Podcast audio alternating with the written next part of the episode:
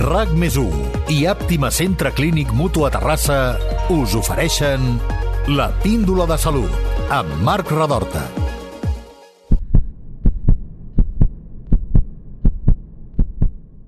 L'adolescència és un moment explosiu de la vida, en tots els sentits.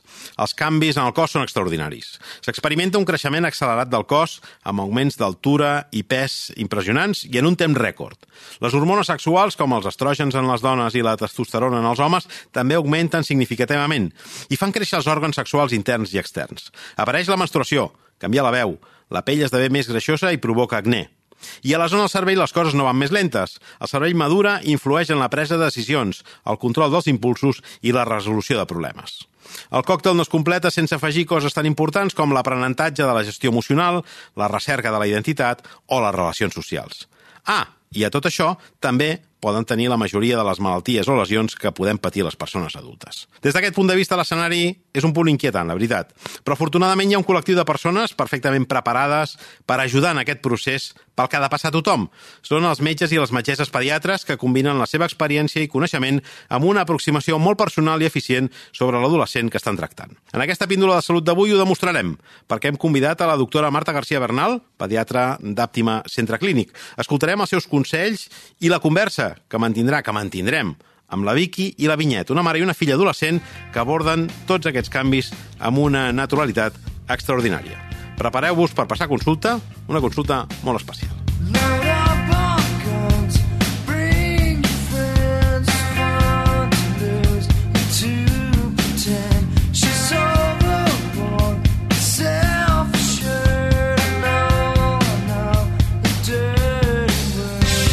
Doctora Marta García Bernal, gràcies per acompanyar-nos de nou en aquesta píndola salut. Gràcies per convidar-me de nou. Perquè vam estar parlant de temes de... Uh, D'anèmia. D'anèmia i d'hematologia. Mm -hmm. Doncs gràcies per venir. Uh, fins a quines edats visiteu la... les pediatres? Els pediatres avui en dia, eh, depenent de l'entorn on estiguis, és a dir, en, en un centre d'atenció primària veiem els nens fins al dia que en fan 15, normalment uh -huh. fem una darrera revisió als 14 i després ja passarien al metge, al metge de capçalera, Uh, I en molts hospitals, sobretot en els hospitals pediàtrics grans, ja s'està començant a tractar i atendre tant a urgències com a consultes i com en els ingressos a pacients fins a 18 anys. La idea és que amb l'envelliment de la població general uh -huh. els adolescents siguin nostres, fins als 18 com a mínim.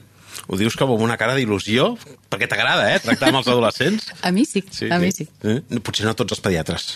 Hi ha d'haver-hi de tot, no? Sí, hi ha d'haver de tot. Mm. Jo crec que els adolescents, com tu deies, per mi són fascinants, són complexes uh -huh. però són fascinants, és una època molt interessant de la vida, de canvis, a nosaltres és una època natural, és a dir, l'adolescència no és una malaltia i el que nosaltres fem és acompanyar-los. Uh -huh. Però t'ha d'agradar, és evident. Està clar. Què té de diferent, què fa de diferent la visita al pediatre d'un adolescent?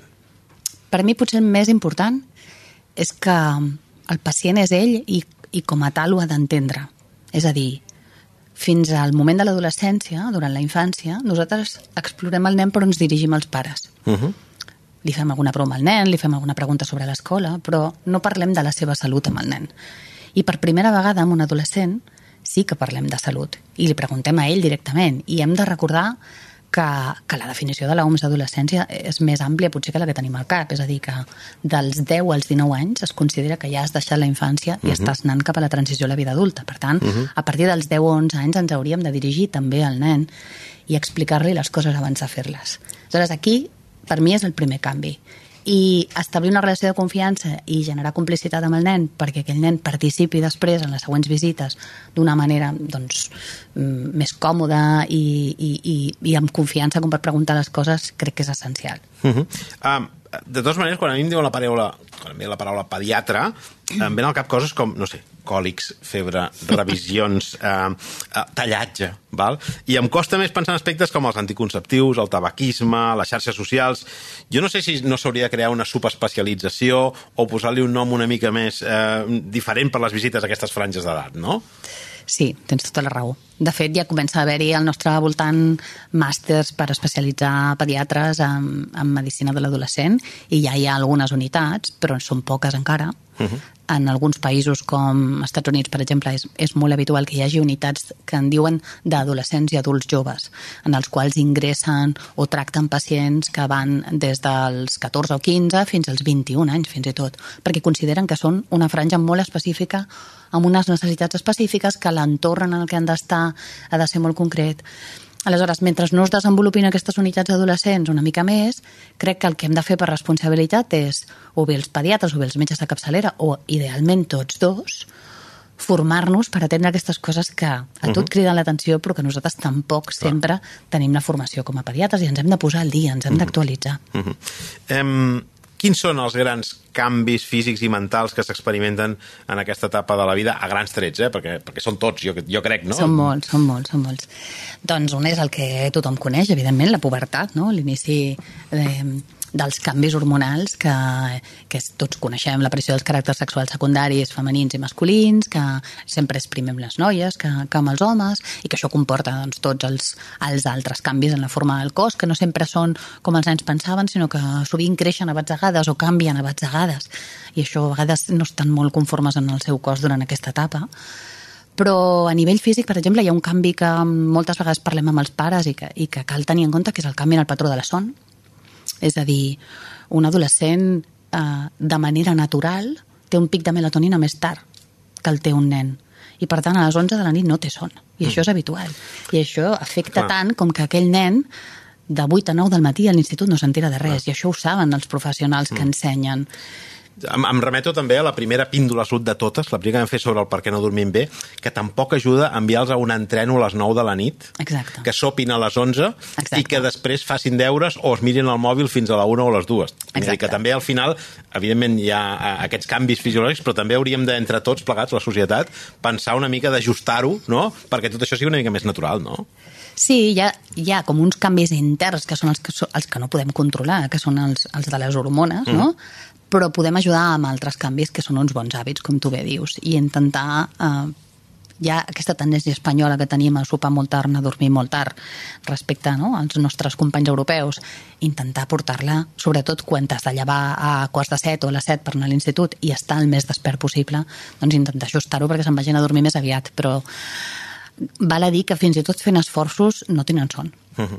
Anem a parlar amb una, amb una nena, noia, dona, com vulgueu, que ja està en aquesta fase de canvis. Eh, ella és la Vinyet. Vinyet, benvinguda. Hola, bon dia. I moltes gràcies per, per voler participar en aquest, en aquest podcast. Encantada. Tu escoltes podcast habitualment o no? No sóc molt de podcast, no la veritat. No ets molt de podcast. No, no sóc molt ets de més de youtubers, d'influencers, de, de Twitch, sí. què? Mm, Instagram, Instagram, YouTube, sí? Twitch... Twitch una mica, TikTok Discord. sobretot. Discord no, no tant, no, no, no, no, no, no tant, no. Molt bé. Uh, de moment no amatem per Discord, no amatem per Twitch, tot arribarà amb aquest projecte amb Àptima. Tema mòbils i pantalles, per això com el portem? Quanta estona dediques a, a això? Depèn del dia. Sí que és veritat que mm, ara és una cosa que és molt habitual mantindre moltes hores o estar connectat moltes hores, però mm, a l'estiu potser es dediquen més hores a les vacances que mm, durant el curs. Jo diria que durant el curs unes dues o tres i durant les vacances, doncs, més horetes. Una mica vergonyós, la veritat. Però si ara et digués que aquesta tarda no tens accés al telèfon mòbil, bueno, fins demà, seria un drama? No, no, per mi podria no. sobreviure, eh? Jo sí, podria sobreviure perfectament, sí. Um, doctora, fins a quin punt les pediatres tracteu interveniu en, en l'ús de dispositius electrònics en, en els adolescents? El que fem és preguntar, mm. que és el primer. És a dir, hem incorporat com una pregunta més a com dorm, com, no sé, com dorm, com menja o com li va a l'escola. Hem preguntat què tal les pantalles. Uh mhm. -huh. no? I té molta... Sobretot abans de que tinguin el primer mòbil als 12 anys ja ens preocupen molt perquè hem vist els efectes negatius de les pantalles amb nens molt petits i les estem fent servir a vegades per distreure'ls perquè mengin, etc. I en els adolescents, doncs, sabem que són inevitables, però sí que els hi preguntem escolta, quantes hores estàs, a quina hora estàs, intentem que les dues hores prèvies anar a dormir, que això és impossible, ja t'ho dic, no estiguin mirant pantalles, etc. Però no hi ha una recepta que es pugui prescriure així. Eficient o sí? Sí, bueno, hi ha unes recomanacions que jo crec que ens, ens fan els professionals i que nosaltres les hem après. La primera és intentar regular la quantitat d'hores i tenim mecanismes també als pares en els mòbils per controlar una mica la quantitat d'hores que estan uh -huh. els nostres fills L'Acadèmia Americana de Pediatria, per exemple, considera que eh, entre els 12 i els 15 anys màxim una hora i mitja i a partir dels 16 serien dues hores al dia. Jo, com a pediatra i com a mare, crec que no és el mateix entre setmana que el cap de setmana. És a dir, que penso que dues hores entre setmana és molt i el millor és poc al cap de setmana per un xaval de 16 o 17 anys. Aquesta és la primera recepta. I la segona és, les pantalles estan aquí per quedar-se, no podem fer res, però sí podem controlar el contingut.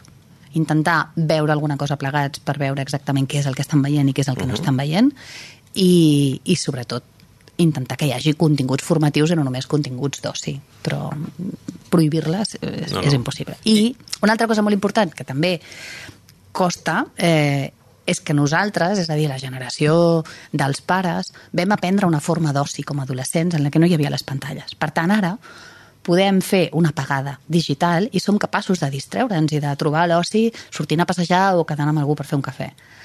Amb una generació d'adolescents en la que no hi ha hagut una educació sobre un oci sense pantalles, aquesta opció no hi és.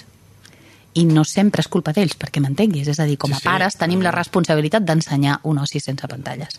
Vinyet, tu això ara al·lucinaràs, però quan nosaltres eh, t'agradava una persona, un home o una dona o el que sigui, havies d'anar i dir-li. O sigui, no, no li podies enviar una flamenca, un WhatsApp, saps? Una icona d'una flamenca, saps? És a dir, havies d'anar i dir-li a la cara, cosa que era complicat, complicat. Un paperet a la motxilla. Eh? Molt, però, molt. en fi. Quants anys tens ara, Vinyet? Jo ara tinc 13 actualment. Molt bé. Eh, el teu cos, suposo que en els pocs anys, en els darrers dos, tres anys, ha canviat moltíssim, suposo. Moltíssim, sí. eh, hi ha coses que t'hagin sorprès a tu mateixa o més o menys és com t'esperaves? Bueno, sincerament, els meus pares, la meva família sempre m'ha mantingut informada. Eh, temes com la pubertat, eh, la regla, bueno, etc. no han sigut mai temes tabús, sempre hem sigut molt oberts en aquest aspecte. Així que no he tingut molt problema i a la que tenia una, un dubte o qualsevol cosa no em feia res comentar-ho amb la meva família o amb els meus pares pues, perquè, em, perquè em diguessin escolta, t'està passant tal cosa. Jo crec que el que més m'ha sorprès, més que físicament, és el canvi que tens mentalment. El mental sí que és un canvi bastant, bastant brutal, sí. Jo diria que és més és més així com, com fort el canvi mental que tens que el canvi físic, almenys des del meu punt de vista. A veure, el canvi físic és relativament natural perquè li passa a tothom i suposo que uh, dintre del que és uh, la teva classe i el teu cercle d'amistats, doncs totes estàveu patint una mica el, el mateix, no? Sí. Però, clar, mentalment cadascú suposo que també el viu a la seva manera, no? Mm. Jo no sé, va haver-hi alguna cosa que et va cridar molt l'atenció, que dius, hòstia, ara vist en perspectiva, no? Bueno, mm, els canvis d'humor, uh -huh. Um, la gent canvia també de per si, les sociabilitzacions, um, et dones compte de que, bueno, de que ja no és hola, vols ser el meu amic? I ja sou així superamics. També els sentiments de les altres persones, um, la seva forma de reaccionar, de parlar, de ser... Clar. La gestió emocional de tot Exacte, això, no? sí. Mhm. Hem de dir que la Vinyet sempre ha anat molt ben informada sobre els canvis que l'esperaven i això és gràcies a la seva mare, la Vicky, que també la tenim aquí. Gràcies també tu per venir, eh, Vicky. M'explicaves quan preparàvem el podcast que heu procurat sempre donar-li la, la màxima informació sobre tot el que està experimentant el seu cos i el seu cap, també, no? Sí, la veritat és que nosaltres sempre hem procurat tenir-la informada de tot perquè no s'espantés, perquè ho visqués com d'una forma el més natural possible. També és veritat que la Vinyeta ha sigut una nena sempre que li ha agradat molt llegir i recordo que quan tenia uns 8 o 9 anys doncs ella anava a la biblioteca com si fos casa seva i coneixia molt a la Mercè, que és la, la, de, la senyora que porta la biblioteca a Vila de Cavalls, i li deia, Mercè, vull que em donguis eh, llibres sobre la pubertat perquè necessito estar informada. I llavors la Mercè, que tenien molt contacte amb ella, que al·lucinava sempre, doncs quan tenia 8 o 9 anys li va donar, doncs mira, Vinyet, jo crec que te'l pots llegir aquest, aquest, aquest. Com que era gran lectora sempre li proporcionava molts llibres i, i bueno, ella es va informar pel seu compte i va fer com un... entre la nostra informació la dels llibres i em deia, home, mare, tu, per exemple, no m'has dit que jo tindria canvis d'humor. Dic, bueno, és una cosa que l'anirem veient a pas a pas, no? Però ella ja va llegir tot això i entre lo nostre i lo seu doncs va fer com un, un pack. De fet, mm, moltes vegades ho parlem, que ella, la regla li va venir quan tenia 11 anys i li va venir uns campaments de patinatge. Mm -hmm. I quan vam fer la, la bossa, la maleta, em va dir saps què et dic, mare? Em sembla que m'enduc compreses, diu, perquè la cosa no la veig gaire clara. I dic, sí, sí, carinyo, endú-te-les. I se les emando, i quan jo la vaig anar a recollir al cap d'una setmana, el monitor em diu, ai, perdona, Vicky, és que li ha vingut la regla. Dic, ah, molt bé, dic, i com li ha anat? Ah, sí, sí, bé, bé, no ens, no ens ha dit res. Dic que no necessitava res, que ella espavilava, que ella ja sabia de què anava el rotllo. I dic, pues estupendo, i va sortir ben tranquil·la, jo crec que si estan ben informats i ho acceptes tot plegat d'una forma natural, que és el que és, doncs les coses es porten una miqueta més, més bé. Sí, sí. No, no, està clar. No, no sé quin, si tens regles doloroses o no, o de moment normals, diríem. Sí? Jo ho passo una mica malament. Ho dic perquè també tenim una píndola sobre... també tenim un podcast sobre les regles doloroses que també et convido a que, a que l'escoltis, però bé, aquestes són les coses que no acabem d'entendre, eh? que no s'hagi pogut resoldre això encara, no? Hem investigat no sé quantes malalties i un problema que tenen el 50% de la població durant 30 anys eh, i no l'hem pogut resoldre encara. És d'aquelles coses que a vegades costa una mica d'entendre. De, um, aquest tipus de perfil eh, possiblement cada cop sigui més freqüent, però també suposo, doctora, que, que la consulta que tens àptima també deus trobar-te en situacions molt diferents eh, al de la Vinyet. Molt diferents. Sí, ja ens agradaria que tots els pares haguessin fet aquesta preparació prepuberal, diguéssim, perquè els nens entressin contents, amb confiança, els nens, no, els adolescents, eh, contents i amb confiança i, i a, a parlar dels temes que els preocupen en aquell moment així, però no és... Moltes de les persones realment apareixen a la consulta i, i et deixen el nen allà com te'l portaven quan tenia febre, Clar. perquè tu tractis com si fos una malaltia, l'adolescència, li expliquis tot en el nen o li expliquis a ell... I li resolguis el problema al pare. Clar, no? que, quan realment no és una malaltia, és un procés de transició Sí. normal i corrent, i bueno, després en parlem si vols, però jo crec que potser el que hauríem de fer també com a pares, perquè ja no ens en recordem, és informar-nos una mica abans de que passi. Clar. Eh, en l'adolescència, els, els, els pares i mares ens hauríem d'esperar a la porta de la consulta o hauríem d'entrar a dintre i participar de la conversa? Què és més recomanable? Jo crec que depèn molt del cas. És a dir, Perdona, La primera visita? Tu entres amb te mare o el teu pare o qui sigui o entres sola? Jo, A la consulta. La persona que em s'ha d'acompanyar és ma mare. Sí? I ma mare entra amb mi a la consulta, però la persona que indica el meu estat en aquell moment sóc jo. Jo sóc la que manté el contacte amb la meva pediatra. Mm. I si tu li diguessis que ella es quedés fora, entenc que la, la Vicky no tindria cap, ta mare no tindria cap problema en quedar-se fora, eh? No, en absolut, la meva mare ho respectaria, ho respectaria totalment. Mm -hmm. És, aquest seria una mica el criteri és això general, que anava a dir, no? sí. És a dir, la primera vegada que jo visito un adolescent, o quan és un nen que porto des de petit, quan fa una mica el, el canvi, en parlem i els dic, mira, a partir d'ara, aquí el protagonista, sempre ho has sigut, però tu ets, a partir d'ara ets el protagonista i l'interlocutor principal. Per tant, tu tries. Podem fer una revisió i a vegades els, els pot passar que estiguin còmodes en una determinada situació i en una altra no ho estiguin. També a vegades vetllem perquè sense voler els pares podem obligar a, a parlar d'algun tema del que l'adolescent no té ganes de parlar. Correcte. Aleshores hem d'intentar no forçar això, sobretot prioritzar que la nostra responsabilitat és la cura d'aqu- d'aquell adolescent. I també hi ha aspectes, suposo, legals, no? Majories d'edat, Sí, clar que ha, majoria clar que ha. consentiments, és a dir, que això s'ha de tenir en compte. Què, què, cal, què, què, què hem de saber d'això? La majoria d'edat sanitària... Què és ah, això? Està, la majoria d'edat sanitària és aquella edat a la qual tu pots prendre decisions sanitàries, Sí. eh, pots anar al metge sol, Uh -huh. O pots anar a urgències, etc etc o a la consulta, i això són els 16 anys a 16 Espanya, anys. actualment per llei. Sí. Dels 16 als 18, que seria la majoria d'edat legal, hi ha tres coses únicament que no pots fer. No pots donar òrgans, no pots sotmetre't a un tractament de, de fertilització i no pots participar en un estudi clínic. Tota la resta de coses es poden fer i això inclou la píndola del dia després, per exemple, o anar a un metge a demanar informació o consultar perquè tens una malaltia Però amb transmissió 15 anys, no? Si tu amb 15 anys hauries d'anar al metge a demanar Amb la 15 píndola anys, del dia amb- després amb 15 amb anys, els teus pares? legalment, legalment els professionals que els atenen no haurien de fer-ho sense informar els seus progenitors. Després, el que fan o deixen de fer eh, és un tema una mica de, dels professionals que n'estan... És a dir, és una mica incongruent aquesta llei perquè és cert que l'edat mitja d'inici de les relacions sexuals està per sota dels 16 anys ara Correcte. mateix. Per tant, no tindria cap mena de sentit que haguéssim d'avisar els seus pares si això significa que aquella persona no buscarà ajuda i, per tant, tindrem embarassos no desitjats. Però ara mateix, legalment, t'haig de respondre que són 16 anys. Molt bé. Eh, el gran tema d'aquesta edat, i ve, ve, ve, ve, una mica lligat amb tot això que comentàvem de la sexualitat, no? és la descoberta de la sexualitat. Què és el més important que, que han de saber els adolescents? Com s'afronta? Això des del punt de vista de la, de la pediatria. Normalitzar-ho. Com una cosa més d'aquesta etapa de transició. És a dir, amb, amb els nois parlem, amb els nois i amb les noies parlem dels canvis puberals, els hi avancem una miqueta, mira, et passarà això, passarà l'altre, o t'està passant, és normal, no passa res. Amb les noies crec que és important que, que es baixin una aplicació al mòbil i que controlin una mica les seves regles, uh -huh i els hi recomanem o els expliquem en quines situacions podrien demanar ajuda, tant a nosaltres com als companys de ginecologia.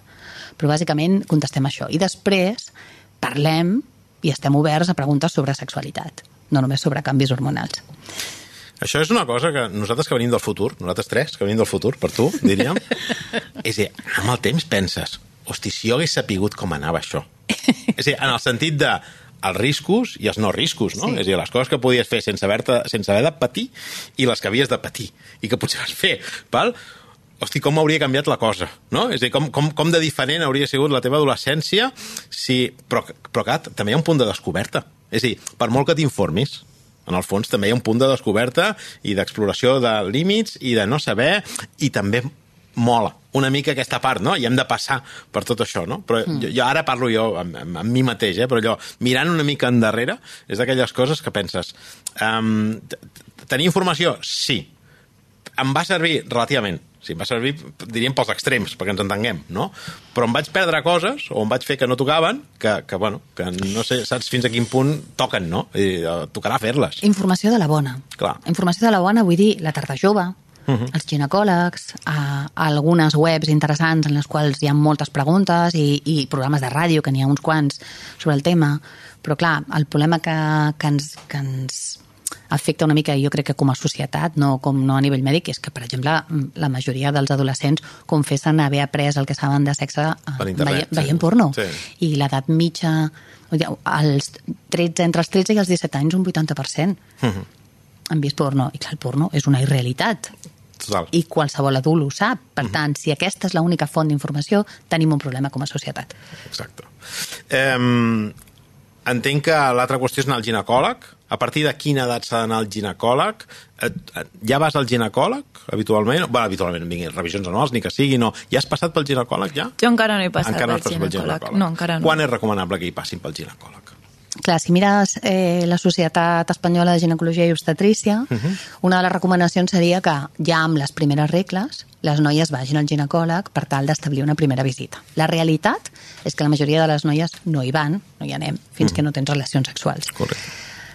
Sí que crec que és important, inclús si tens unes regles no doloroses, explicar en una visita d'un adolescent que un ginecòleg no és una persona que t'hagi d'explorar, t'hagi de fer sentir incòmode, que no t'has de treure la roba amb un ginecòleg mm. perquè m'entenguis i que Sí, sí. pots i que pots anar simplement a presentar-te, a conèixer aquella persona, a establir una mica un vincle, de manera que el dia que hi hagis d'anar amb una pregunta més concreta ja el coneguis. Seria com anar a la biblioteca però a una pantalla més, eh? És a dir, seria com, però una pantalla Exacte, però tu pots anar a la ginecòloga i ja està. I aquelles, a més, els ginecòlegs d'avui en dia tenen mm, una perspectiva, per exemple, no només amb el tractament eh, amb adolescents, amb les, el que dèiem abans, a píndola del dia després, etc, sinó també amb, amb la diversitat de gènere, que és una cosa que, que s'ha anat incorporant cada dia més no? a, Mhm.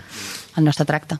Eh, en els propers anys, Vinyet, eh, o mesos, vés a saber, tindràs accés a substàncies que no són molt saludables, tabac, alcohol, potser drogues, bé, segurament tindràs accés a les drogues si el busques. Eh, creus que tens informació suficient per prendre les decisions que toquin? Sí, sí, Sí? jo crec que sí. Eh, a part de tota la informació que m'han proporcionat, eh, jo sé per, per meva el que està bé, el que no està bé, el que està bé pel meu cos, el que no està bé, i sóc mentalment conscient del què m'anirà bé a mi i el que m'afectarà eh, en un futur o potser en aquell precís moment. Llavors, sí, jo diria que, que sóc conscient i que, bueno, part no només per part de família, sinó també a l'escola, um, et donen informació. Sí que jo crec que per part escolar um, és un tema bastant per dir-ho així, com tabú, perquè és com, al ser algú dolent podríem rebre més informació de la que rebem actualment, però, bueno, és un tema en el qual sóc bastant conscient de, del que està bé i el que no està bé. Molt bé. La última, i us la faig a les 3, perquè l'acabem de comentar i tanquem ja el podcast amb això, eh, hi ha una paraula clau per mi en tot això, que és empoderament. L'adolescent ha de veure que ja és prou gran per implicar-se en, el seu, en el seu estat de salut i en els canvis que va patint. Eh, entenc que ho compartiu. Com ho veieu, això? Exactament així. Sí. És a dir, és el que t'he dit abans, el protagonista és l'adolescent i és important que entengui que de qui s'està parlant és d'ells i això és tan cert com pels pacients que tenim que no tenen cap malaltia de base i que venen a una consulta normal de revisió com per, que n'hem parlat, perquè donaria per molt més tema, però aquells pacients amb una malaltia crònica, per, uh -huh. per exemple, un nen amb diabetes o, o un nen amb una artritis o un nen amb un càncer, que en el moment de l'adolescència normalment es rebel·len contra la malaltia, contra la seva situació, eh, pot ser que de sobte no vulguin ingressar o que no vulguin prendre's la medicació i també és la nostra obligació acompanyar-los en això i ajudar-los a la transició. Heu empoderat a la, a la Vinyet? Mm, Jo crec que sí, perquè és una nena bastant madura, que és capaç de fer els seus pensaments, els seus raonaments, i jo amb aquest aspecte, jo i el seu pare li, li, deix, li deixem pues, la llibertat perquè es desenvolupi, que jo penso que és de la forma que s'hi cau, que s'hi s'aixeca, que s'hi... És la forma d'aprenentatge. Tampoc no s'ha de privar de totes aquestes coses. Com tu deies abans, nosaltres descobríem, doncs a mi també m'agrada que ella descobreixi Clar, una miqueta, clar. està bé també. Et sents empoderada, eh, Vinyet? Em sento empoderada. Molt bé. Doncs ho celebrem i crec que hem mantingut una conversa molt agradable i saludable sobre l'adolescència i per això us vull agrair totes que hàgiu volgut participar en aquest podcast. Gràcies, doctora Marta García Bernal, pediatra d'Àptima Centre Clínic. Gràcies, Vicky, gràcies, Vinyet. I gràcies a vosaltres per escoltar aquesta píndola de salut. Fins la propera.